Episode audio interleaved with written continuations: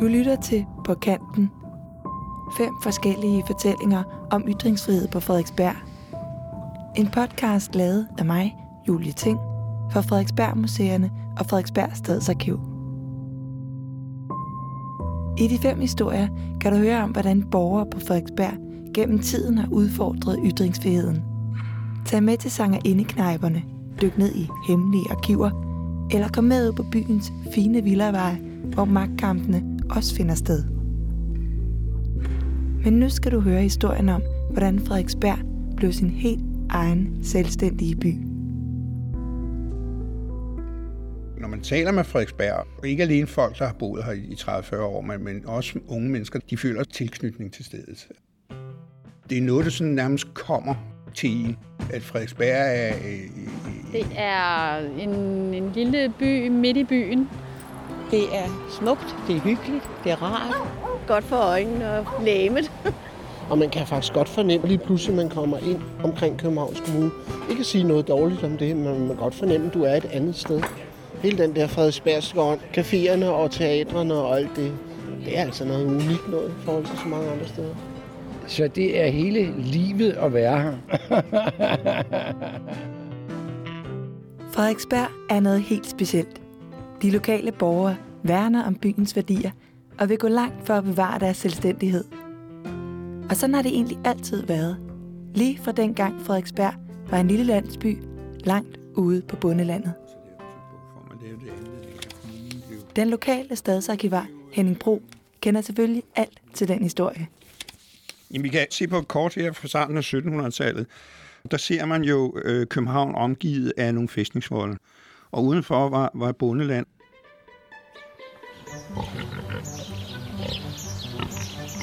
Så kan du se, der står en, en bakke her, der står Frederiksberg. Så, så lå det jo ret godt her.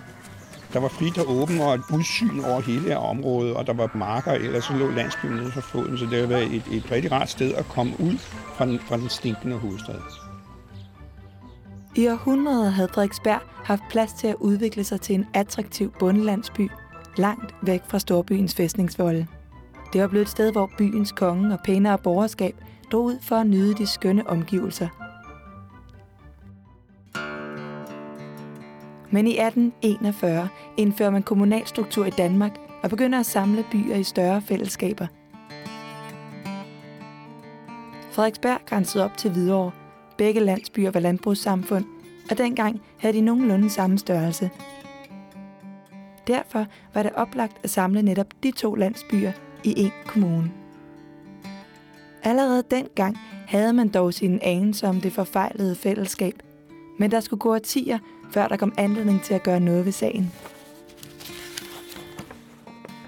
Hvis vi går frem til øh, omkring midten af 1800-tallet, der hvor forandringerne sker, så begynder den første rigtige industri at komme. Og i og med, at der kommer fabrikker og industri, så begynder folk også at flytte til København. Og der kan man sige, at København på en eller anden måde har brug for at sprænge sig ud af sine rammer. Fordi uden for volden, der måtte man ikke bygge. Befolkningen, byggerierne, skidtet og larmen bliver altså tættere og tættere i København. Så i 1852 giver man endelig tilladelse til at bygge uden for Københavns fæstningsvolde. Og byggefriheden bliver i den grad bevis på Frederiksbergs popularitet. På blot 10 år er befolkningstallet eksploderet fra knap 3.000 til over 8.000. Den lille landsby var på rekordtid kommet i liga med landets største købsteder, Aarhus, Odense og Aalborg. Og så har vi problemet. Fordi det er klart, at de opgaver, der er til en kommune på landet, de er mindre, end der er til en kommune i en by. Så derfor måtte man jo gøre noget. Så får regeringen den her idé at lægge Frederiksberg sovn sammen med København. Havde det været 10-20 år før, så havde staten bare gjort det, for der havde vi enevælden. Men nu, hvor det her det trækker op, så har vi jo fået demokratiet i 1849. Og det bruger borgerne faktisk helt konkret, at København truer med indlemme Frederiksberg. Modstanden til regeringens forslag er nemlig så kraftig, at Frederiksbergborgerne vil afprøve den nye mulighed for at blande sig i samfundsdebatten. De indkalder til protestmøde i den lokale forlystelsespavillon Odeon. Mødet er velbesøgt, Stemningen opildnet og holdningerne ikke til at tage fejl af. En indlemmelse i København kunne ikke accepteres. Man frygtede, at det ville føre til den samme tætte bebyggelse og de uomske forhold, som plagede storbyen. Samtidig argumenterede man for, at Frederiksberg skulle løsrives fra Hvidovre. For alt imens Frederiksberg havde udviklet sig til en pulserende by, stod Hvidovre nærmest uberørt tilbage som bundeland. Deres sociale problemer var derfor langt mere omfattende, og Hvidovre nød godt af den blomstrende velstand på Frederiksberg. Konklusionen på Odea-mødet blev derfor et ønske om en selvstændig Frederiksberg Kommune. Man formulerede et lovforslag, som blev sendt videre til de højere magter i Folketinget. Altså, man er meget skeptisk over for det inde i Folketinget. Og der er altså en debat om det her, men der er altså nogen fra Folketinget, som ikke er helt enige. Så er holdningen jo så, jamen lad, lad os nu se, øh, hvordan det forløber, og det, det bliver der så efterhånden flertal for i Folketinget, og loven bliver vedtaget, og Frederiksberg bliver selvstændig 29. december 1857. Det, der er essentielt her, det er, at borgerne nu selv siger, at vi vil være selvstændige. De får lov til at sige det, og at politikerne retter sig efter det. Det er det, der er det nye.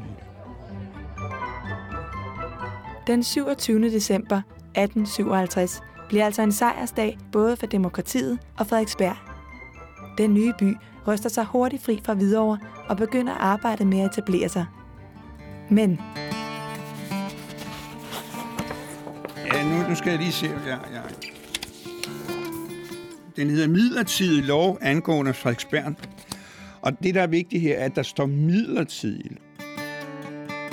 Og det er, fordi man blandt politikerne regnede med, at måske kunne Frederiksberg ikke klare de opgaver, der hører en by til, og, og ville krybe til korset og sige, at vi vil selv indlemmes. Politikerne fra Folketinget havde altså skumle planer. De lød i princippet indlemmelsespørgsmålet forblive åbent, og Frederiksberg havde travlt med at bevise sit værd. Allerede øh, få år efter kommunen bliver selvstændig, så begynder man at ansætte de første embedsmænd. Og man får skoler og nyt fattighus og sygehus, og man får lavet kloakker, gadebelysning, man får sporveje og alt det, der hører en by til. Så man havde ikke det argument for at indlemme Frederiksberg.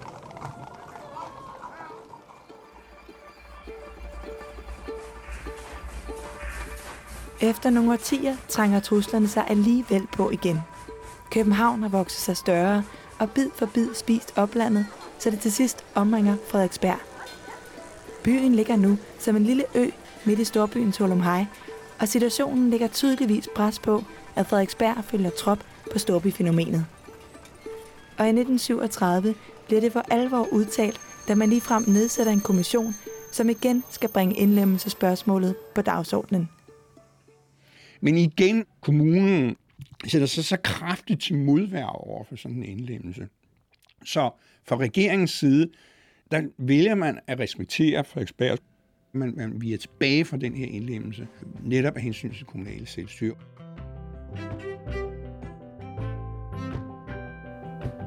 Langt om længe falder der ro over de mange forsøg på at berøve Frederiksberg deres frihed. Og så lever i øvrigt borgernes ønske om at være selvstændig, den lever videre, og den forstærkes. Altså København synes jeg er for stort. Jeg kommer aldrig til København, fordi jeg synes, der er for mange mennesker. Og der er det så lidt mere lalligt, hvis man kan sige det her. Du kan tabe et, et tørklæde og gå ned og finde det næste dag. Altså, der er sådan en tryghed i, at vi kommer hinanden ved. Det er jeg vild med. Selvom vejen til selvstændigheden var lang og hård, er der ingen tvivl om, at den har haft afgørende betydning for den styrke, byen har i dag. At Frederiksberg var med til at tage de første skridt for borgernes stemme og nærdemokratiet, er noget, der stadig vækker genklang i Frederiksberg-borgernes trofaste støtte til byen. Der er en stor forankring til lokalmiljøet her.